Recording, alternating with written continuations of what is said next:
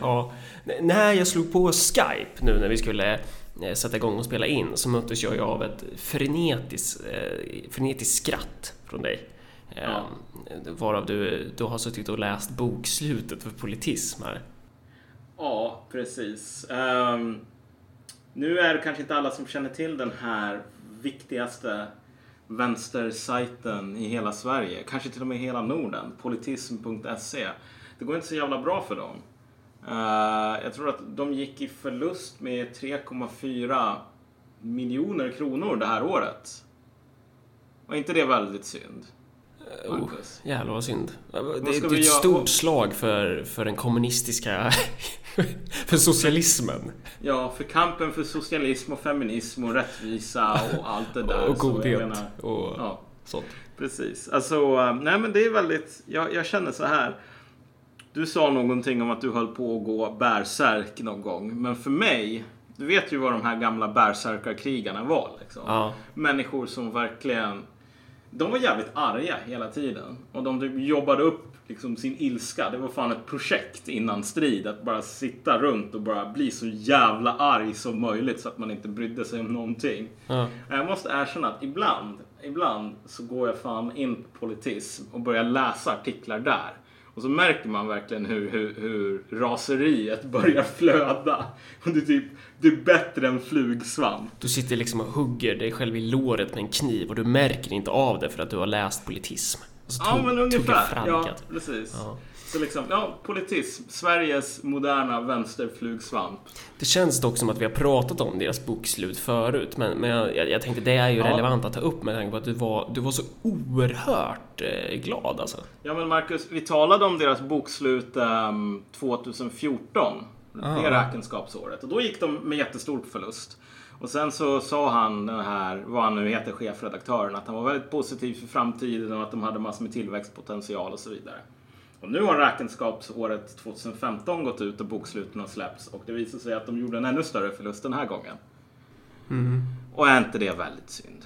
Oh. Visar inte det på kapitalismens grymhet som Jonas Sjöstedt skulle säga?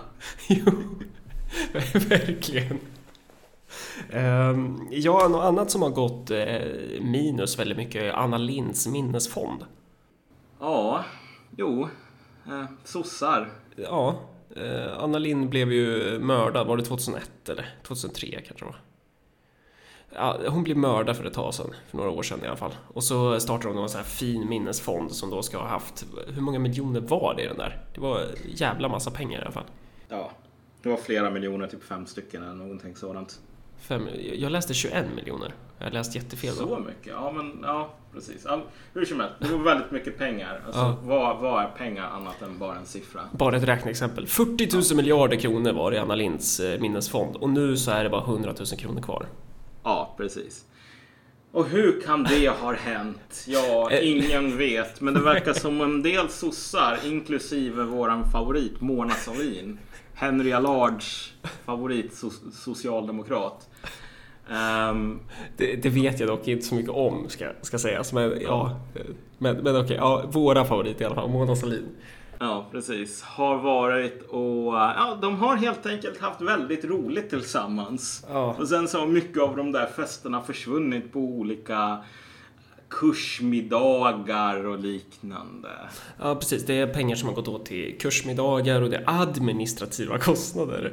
Ja, väldigt, alltså du vet, du spenderar x antal miljoner kronor och sen har nästan inga av de där pengarna gått till något jävla pris. Mona Sahlin var typ jourhavande webbmaster för deras Twitterkonto och tog 60 eh, 000 kronor i minuten för det jobbet. Det är ju ja. ett, ett exempel på en administrativ kostnad.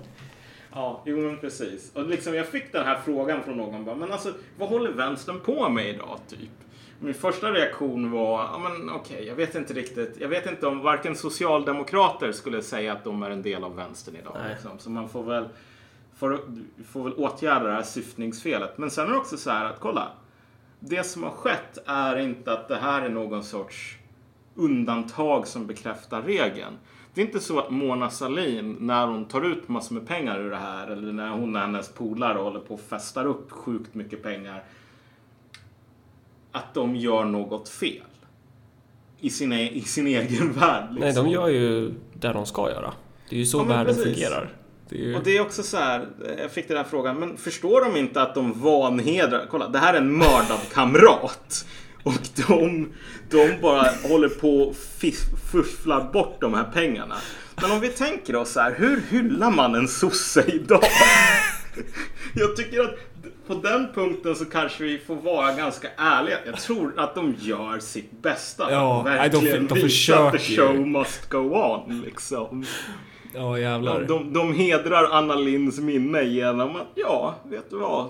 Fortsätta vara sossar, typ. När man var ung och eh, drack eh, otroliga mängder alkohol så var jag alltid en av de där jobbiga jävla idioterna som var liksom last man standing och som tillsammans med några andra tappra eh, idioter försökte förmå alla att liksom resa sig upp ur sin eh, ur sin däckning typ där runt 6-7 på morgonen att man liksom skulle fortsätta festa, fortsätta kröka. Här har vi ju sosse-eliten alltså. Det är exakt så det är va? Nej, nej, sluta. Vi måste, vi måste fortsätta kröka upp det här. Vi kan, vi kan inte vara såna jävla torrbollar och bara låta det ligga. Vad fan, kom igen nu. Vi väl inte några jävla kommunister eller populister eller något sånt där. Nej men precis. Jag menar, vi, vi skämtar om det här men det är ju någonting som är väldigt intressant just hur Ja. det är nästan typ, verkar vara nästan ett socialt tvång på att fiffla idag. Ja. Alltså, om du inte gör det, om du säger, om du är den som inte typ dricker upp den här spriten och så vidare.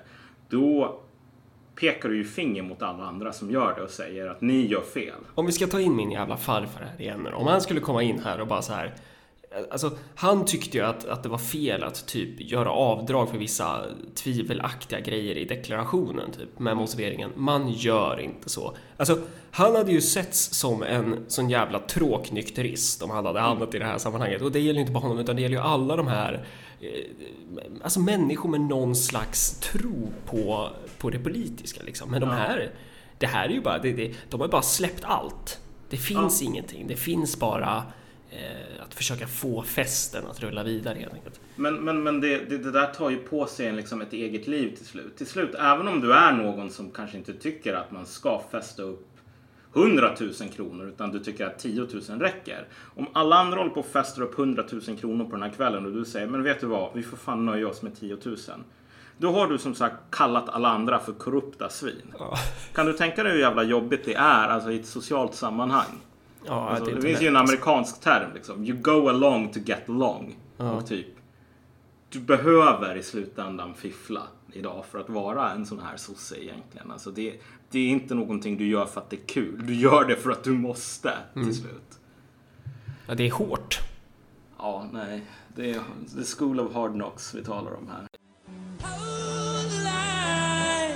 Does anybody want to take it anymore?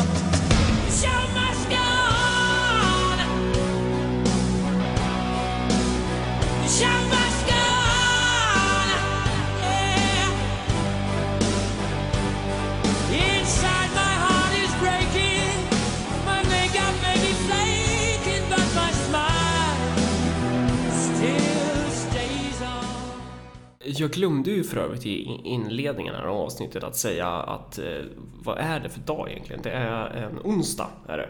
Onsdag den 20 juli. Eh, och klockan är just nu 20.34 då vi spelar in det här. Jag vet inte riktigt när det här kommer komma ut. Eh, det har ju hänt väldigt, väldigt mycket inom en väldigt, väldigt kort period. Känns det som i alla fall. Mm. Precis. vilket gör att man blir... Ja, det är ju svårt att täcka upp allt i våran eminenta podcast. Eh, Ja. Men... eh, Ja, jag, jag tänker bara, två jävligt viktiga grejer är ju dels Pokémon Go som har släppts, som jag inte har börjat spela än, men som jag definitivt ska göra. Eh, Nej, vad fan. Du ska väl inte göra det? Jo, Nej. lätt. Lätt! Eh, jag, ska, jag ska bli the very best. Jag har för övrigt tänkt på att den Pokémon-låten, jag tror att det är typ eh, att det här kan vara så, så som eh, alternativhögern kallar det kulturmarxistisk propaganda för att eh, där de sjunger är ju liksom, alltså det skulle kunna vara skrivet av Lenin. Eh, att, att låten handlar om hur man bygger det kommunistiska partiet. Och man måste hela tiden eh, vinna fler och fler. Nej, det här kan jag verkligen inte hålla med om. Jag känner att Pokémon Go är en riktigt hemsk samhällsföreteelse. Jag höll på med Pokémon på den tiden som man blev mobbad i mellanstadiet. jag för med. Man gjorde det. Alla spelar fotboll, jag spelar Pokémon. Ja. Och jag kan verkligen inte hålla med om när alla dessa jävla normis och småbarnsmammor håller på att fånga Pokémon med sina barn. Som inte blir mobbade för det. Vad fan, det här, det här förtar ju liksom. Det här, det här trampar på min barndom. Fast det är lugnt, alltså om jag förstått det rätt så ska det finnas tre lag. Det är Valor, Mystic och Instinct. Varav typ Instinct tydligen ska vara någon så här eh, ja, jävligt, eh, ja det, är- det kufar typ. Så det Ja. kanske är de här som håller, eh, vad ska jag säga, håller stånd mot det, det mainstreama helt enkelt. Så Ja, men- när du börjar så får du gå med Team Instinct. Ja, du, nej, jag tror att det där är fan ingenting för mig. Sorry. Eh, en annan grej eh, som inte alls har med politik att göra, eller jo det har det ju definitivt. Eh, World of Warcraft, det släpptes en ny patch idag så då kan man ju räkna ut med arslet att jag inte har fått ett skit gjort i alla fall. Jag, jag tror inte jag duschar på flera dagar, jag bara sitter där och är bara äcklig alltså. Vad gör jag med mitt liv? Nu tänker jag bli allra bäst och bygga upp ett lag. Jag ska söka och fånga flest och träna dem var dag. Jag ska resa från stad till stad efter Pokémon. Får jag se, fast gran för gran, var kraften kommer från. Tillsammans blir vi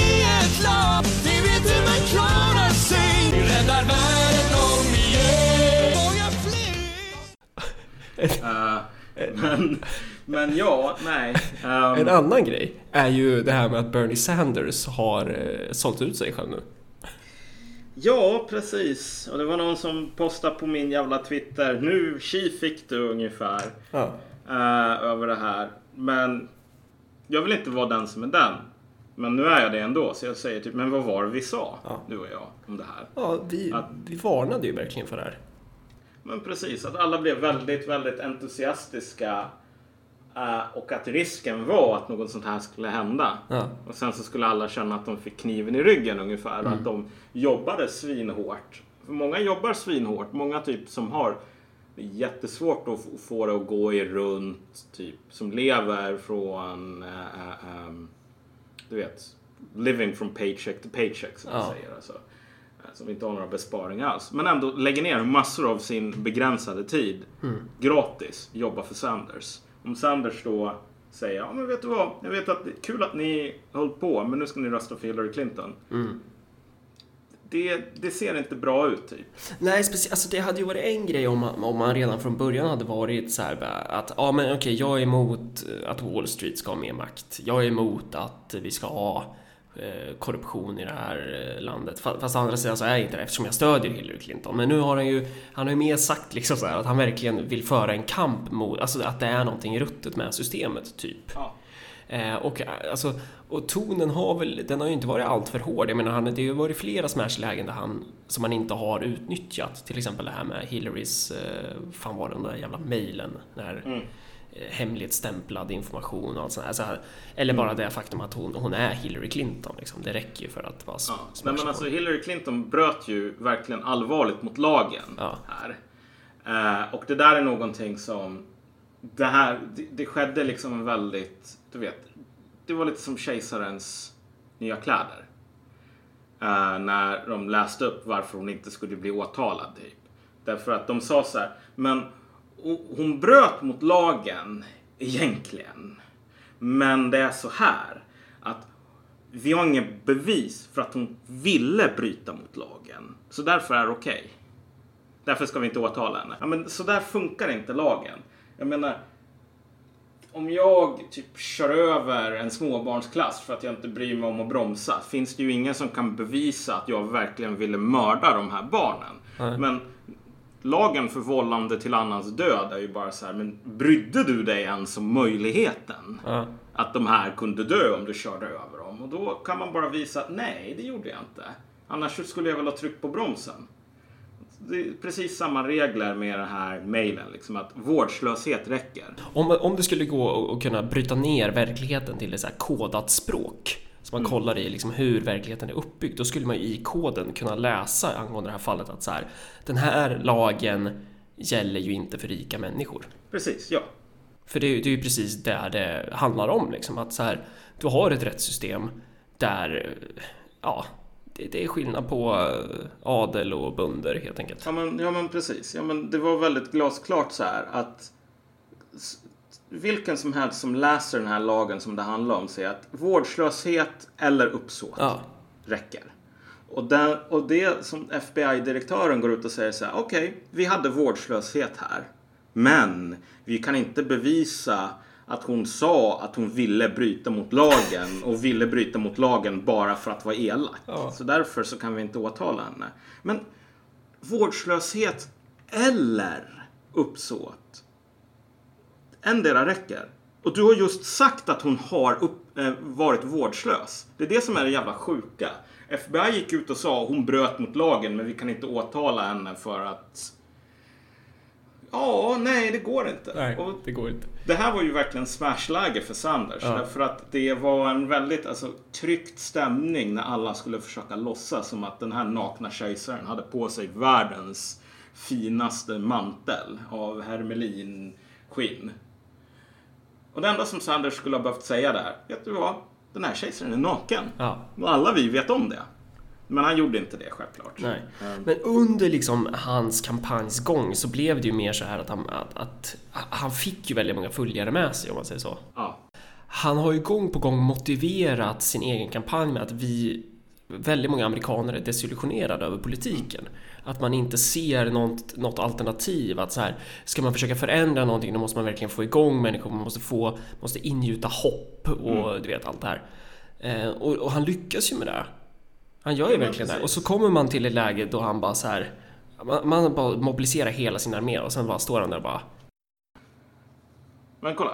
Alltså, Sanders sa redan från början ehm, att om Hillary vann så skulle han stödja henne. ja, Så att den här potentialen har alltid funnits där. Det som gjorde både dig och mig lite mer positiva till honom med tiden, lite mer i alla fall, var ju att han verkade ändå faktiskt inse att det här var fan viktigare än vad han trodde vid början. Liksom.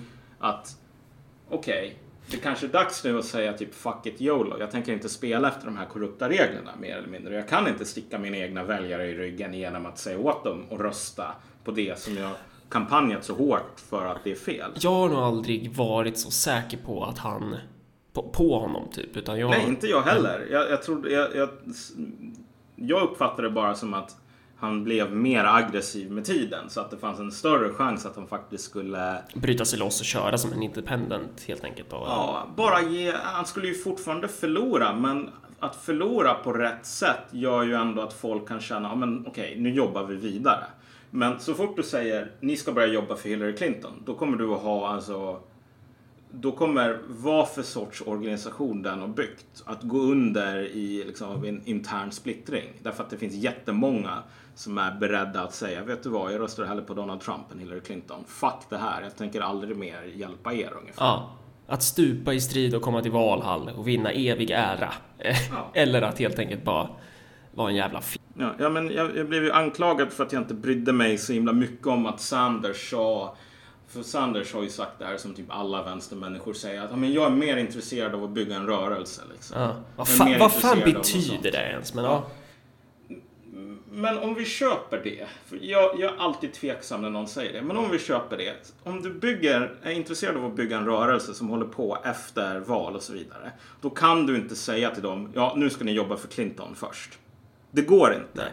Därför att då kommer den här rörelsen att gå sönder. Alltså hela hans berättelse har ju varit riktad mot det som eh, Hillary representerar. Mm. Och det är ju det som är, det är ju, det, alltså det är höjden av ambivalens. Det är ju höjden av svek på något sätt. Att ställa sig där och bara, nu ska ni rösta på Hillary. Vill du bygga en rörelse, då gör du fan som Leonidas i 300. Du går ut till det där jävla bergspasset och sen så blir du mördad och så säger du åt resten, okej, nu är det fan ert jobb. Eh, och fortsätta med kriget. Och det är just det som Sanders inte gjorde. Därför går det inte att ta, liksom nu i backspegeln, allt det här jävla bullshitet som att vi ska bygga en rörelse. Det går inte att ta på allvar. Det är skitvärt. Ehm, och jag menar... Bli martyr eller förlora helt enkelt. Ja, precis. Och jag menar, det här är ju någonting som man ändå kan säga om Trump. Trump gick verkligen inte in i det här valet med någon idé om att han skulle vinna, tror jag. Alltså det, det var det ingen som trodde. Men sen så insåg han att, vänta lite nu. Ja. Det går skitbra för mig. Vänta lite nu. När jag snackar, då är det folk som lyssnar och folk berättar för mig om hur jävla pissigt det är i det här landet och hur mycket de längtar efter någon som bara krossar etablissemanget. Vet du vad? Jag tar på mig det här. Det är ungefär det som skedde. Att han, ja, precis som Sanders, som också var ett skämt som ingen tog på allvar, insåg att insatserna var så jävla höga här. Och han sa ju i alla fall fuck it YOLO Ja, ja, på verkligen. plan. Så det måste man ändå säga om Trump. Eh, Det finns en... eh, Det kommer ju givetvis ut en... eh, Alltså det är, det, det är tight race eh, i Sverige mellan tre tidningar. Det är Flamman, det är Aftonbladet och det är Politism. Eh, de, de kämpar om eh, vilken tidning som ska ha den mest idiotiska analysen av oss samtidigt. Och eh, Linnea Svedenmark på Aftonbladet har slagit ett stort slag för Aftonbladet i den här tävlingen nu. Och hon skriver att angående just det här med att Sanders har ja, men det han har gjort då, liksom svikit sina följare och uppmanat dem att eh, eh följa Hillary istället då. Så skriver Linnea Svedemark en text med rubriken Ett politiskt äktenskap som kan leda till seger. Eh, och i den här texten så förklarar hon att ja, men det här är rätt gjort och så försöker hon dra någon slags Game of Thrones eh, paralleller då angående politiska äktenskap. Man måste, man måste ingå äktenskap för att nå framgång på något sätt. Och jag känner lite så här att bara den grejen visar ju på hur, hur, hur jävla skevt det här är. För det finns väl inte ett enda äktenskap i Game of Thrones som har varit lyckat i princip. Alltså, det, det, sen kanske inte metaforen är fel i sig. Jag menar, det här är ju kanske på, på många sätt ett Game of Thrones äktenskap. Kanske typ The Red Wedding, ungefär. För Bernie Sanders rörelse. Ja, nej, jag kollar inte på sånt här populärkulturellt skräp. så jag I vet don't inte vad listen du to talar om. hip-hop. Okej, The Red Wedding är ju liksom... det- Har du inte sett det? Det är ju när... Ja, men allting är frid och fröjd och man tror typ att eh, åh, nu ska det vara en trevlig bröllopsfest här och sen så bara från ingenstans så börjar man hugga ner ena sidan liksom. Brutalt. Bara massakrera dem liksom. Det är den sortens äktenskap som du har i Game of Thrones. Det, det, det finns ju ingen glädje där. Det, fin- det är ju jävligt dumt att ta det som exempel hur som helst. Och så tar hon eh, Cersei Lannister då som ska ha sagt det. Jag tror inte hon är ensam om att ha sagt det, men When you play the Game of Thrones, you win or you die. Så är det ju, absolut. Men hon har ju också sagt det, det här citatet. Everyone who isn't us is an enemy. Och det tror jag är ett viktigare resultat när det gäller att förstå eh, vad det här handlar om här. Liksom att Bernie Sanders har verkligen sålt ut sig själv. Han har utraderat eh, inte bara sina egna chanser att vara politiskt relevant utan han har bränt så jävla många broar i termer av att han har trampat på folks värdighet, deras heder och också troligtvis alltså, möjligheter för att bedriva någon slags socialistisk politik, skulle jag säga. Nej men alltså, ja, det, det som man måste säga här att det är väldigt enkelt och väldigt för många människor håller alltid på att tala om politik i termer av personligheter, så här, personliga kvaliteter. Jag menar om du tänker dig Göran Greiders analys av sossarna, det är ungefär att sossarna har glömt vad det är att, att vara sosse och det är det som är problemet. Ja. Det är någon sorts individuell minnesförlust i, liksom, på stor nivå. Ja. Men man ska inte för, förklara, förstå eller kritisera politik i termer av individer hela tiden. Alltså det leder alltid fel. Men i just det här läget så måste man ändå säga att det här är faktiskt en fråga om karaktär också. Alltså Sanders lekte med elden här. Och sen är det också så här, Sanders är jävligt gammal. Han har ingen ehm, han har ingen lång politisk karriär att se fram emot. Han har inte massor med liksom stegar han kan hålla på och klättra på. Allting sådant. Och i ett sådant läge, visst. Det kommer att bli, det är alltid jobbigt att säga så här, men vet du vad? Fuck etablissemanget, jag gör den saken som är rätt att göra. Men han är väl i bäst position liksom, av någon att göra det. egentligen. Men med det inte sagt att det inte skulle vara svårt, att det inte skulle vara massor med hatbrev, att det inte skulle vara så att han blev utfryst i kongressen och allt det där. Verkligen motarbetad, hatad, precis som Corbyn har blivit. Men Sanders har i slutändan gjort det valet som gör att det kommer att bli enklare för honom personligt nu. Han kommer inte att bli mobbad och utfryst. Men tiotusentals, hundratusentals amerikaner kommer att känna att de kastade pengar i sjön här. Att de, de blev utnyttjade.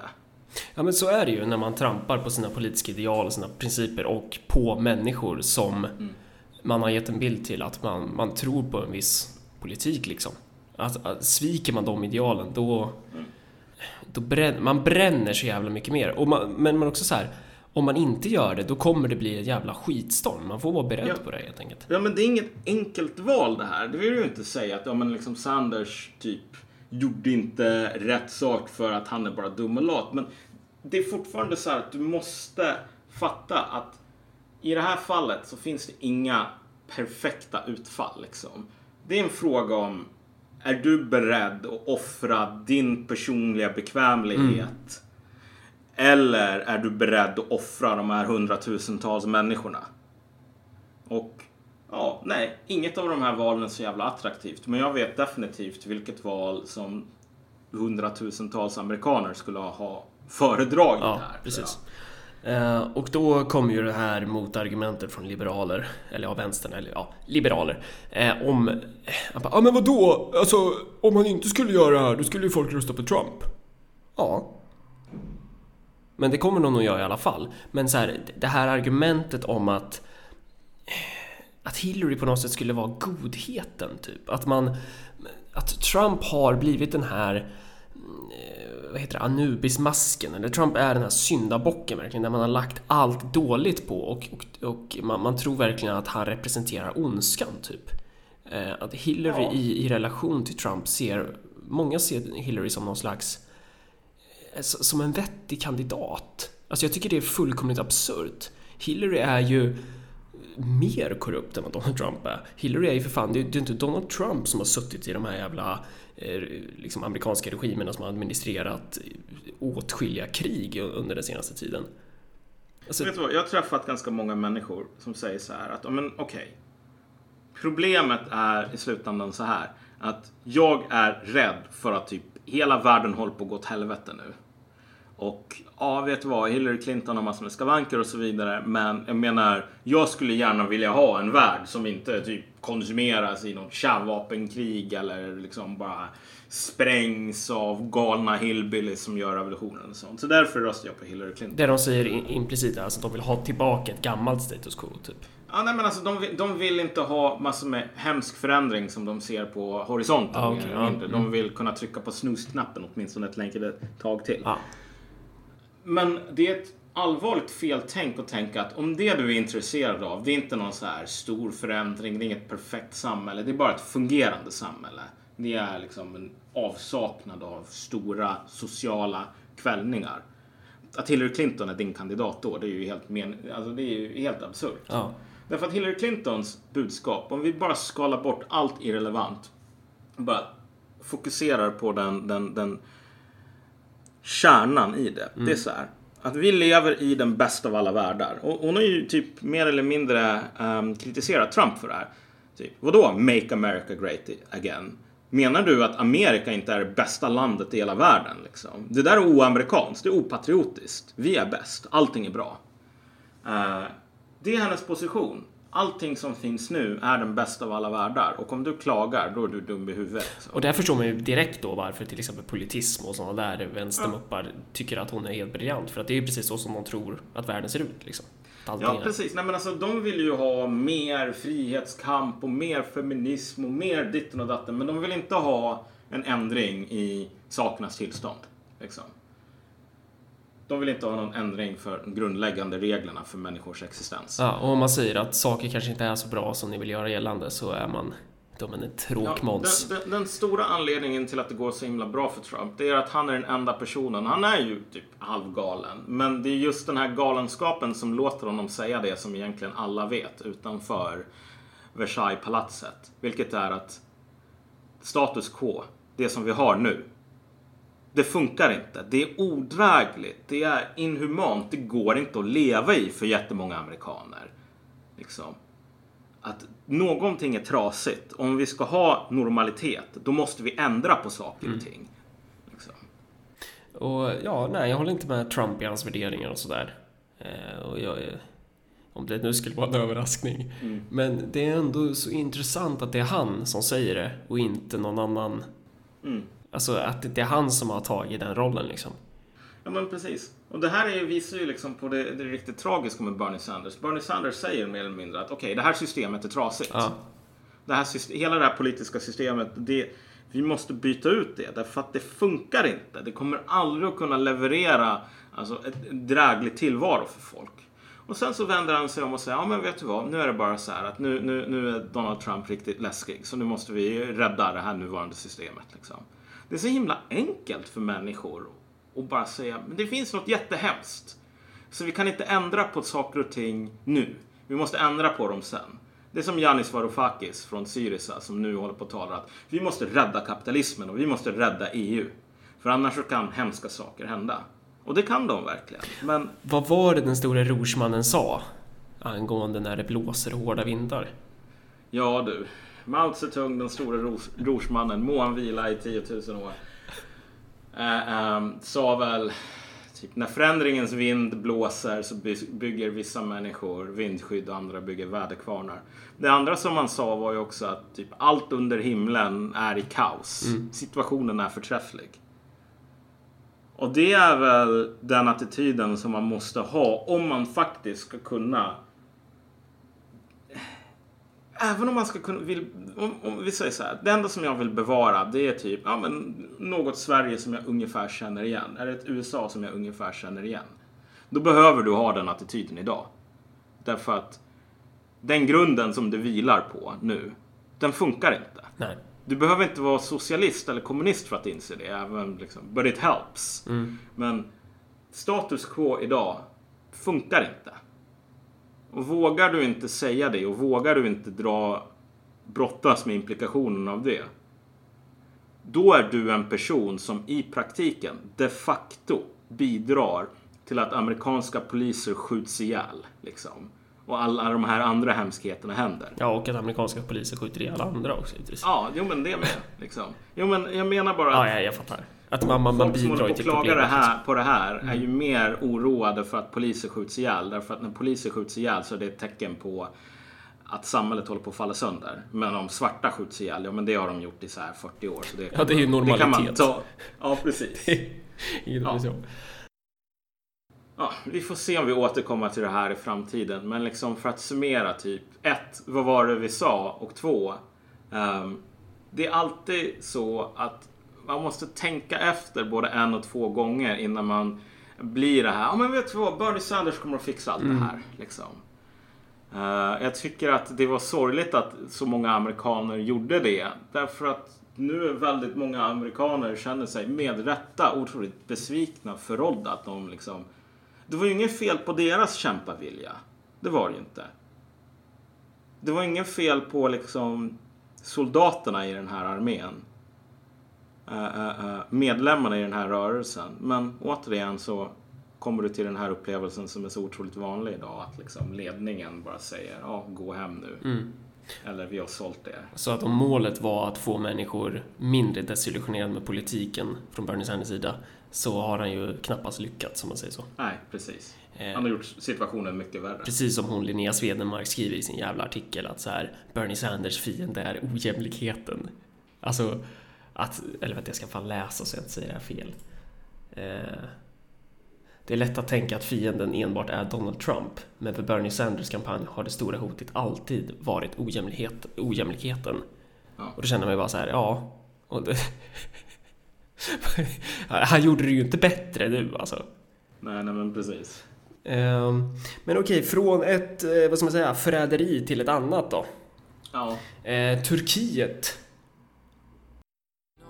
Någonting händer Det är något stort på gång med våra vänner Det är Marcus och Malcolms podd Ja, vad ska man säga? Vad, vad, vad har hänt där? En, en statskupp som det finns jättemycket konspirationsteorier och massor med prat om och allting sånt där. Ja, det, är, det är en intressant situation. Det är väldigt mycket som florerar just nu och både du och jag saknar väl en djupare liksom insikt i, i det hela och då ska ju inte du och jag sitta här och, och liksom berätta för vad som har hänt. Det kan man ju lämna åt några googlande experter istället.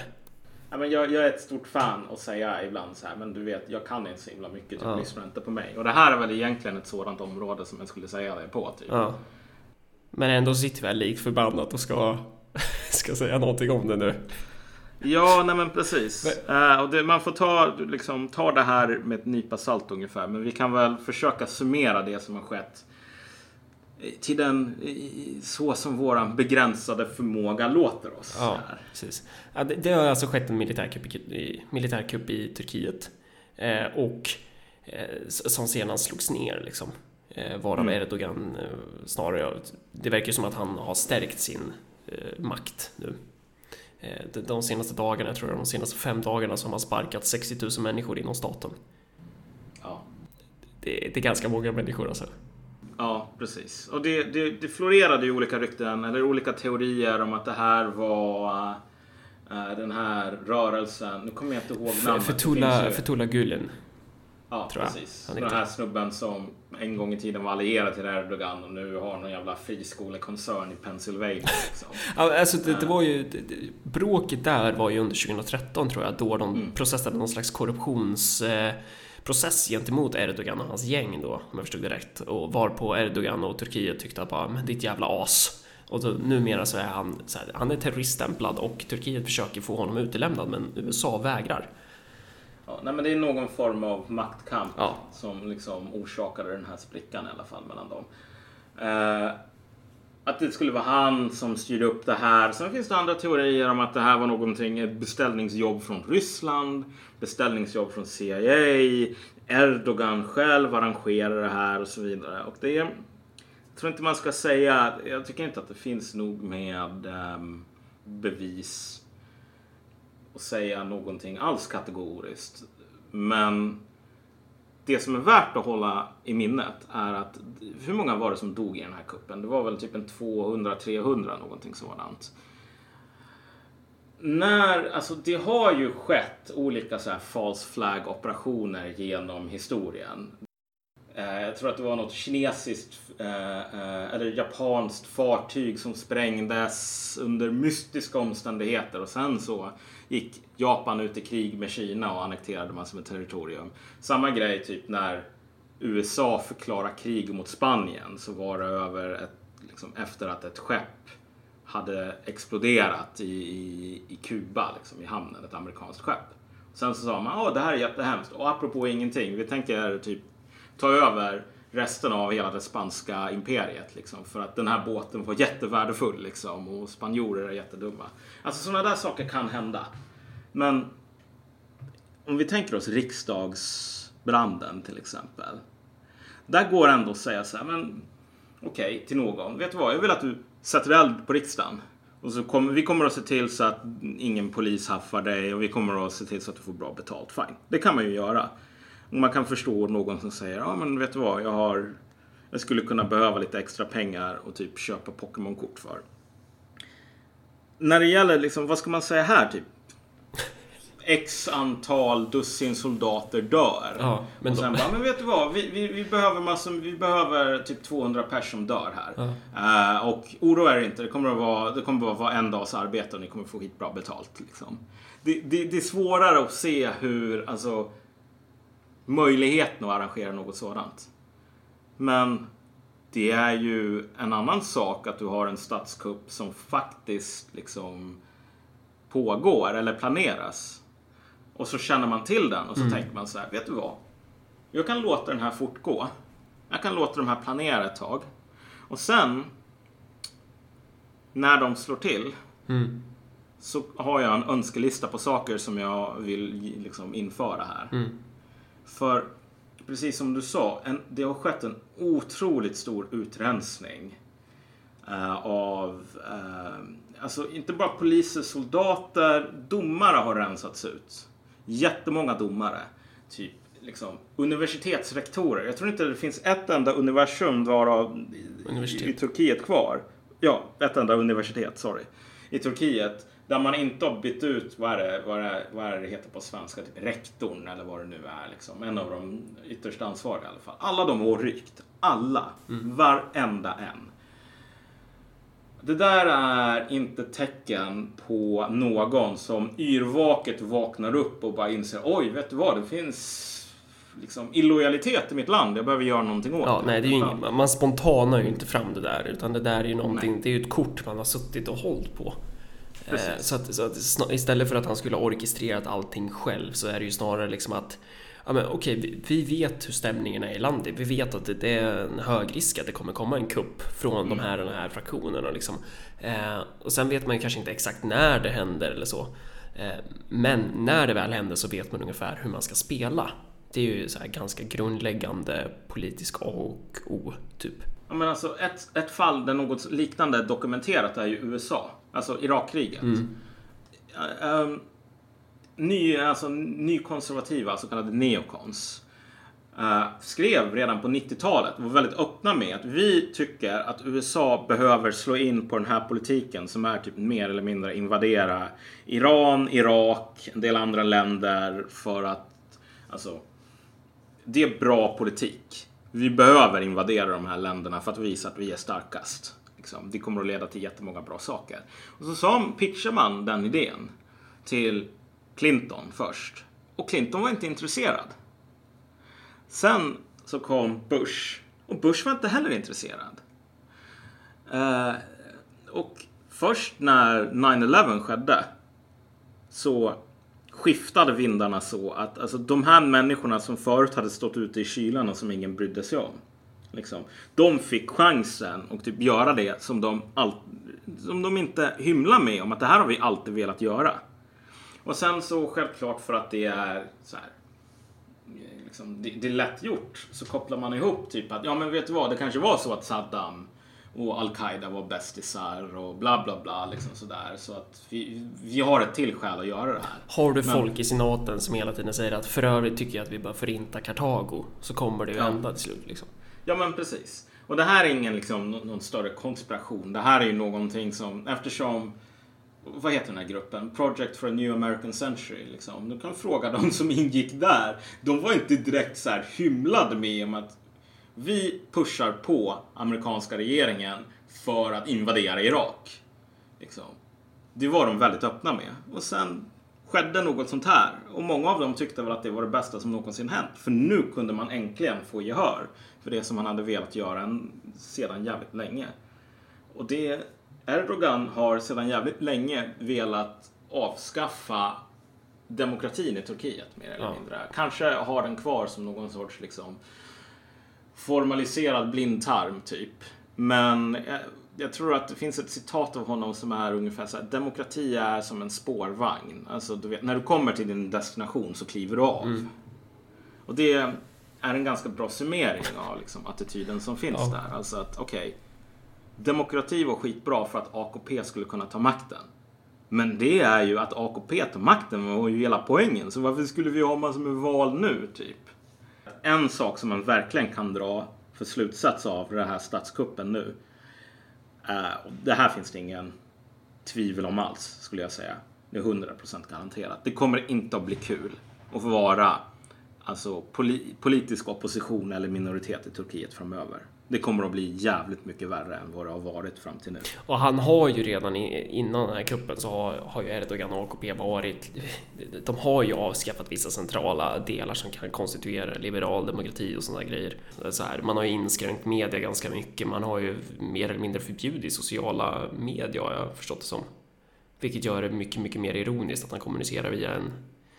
Vad var det? Facetime. När det väl blev kuppen. Ja, men precis. Och det är också så här, nu håller man på att tala om att återinföra dödsstraff och liknande.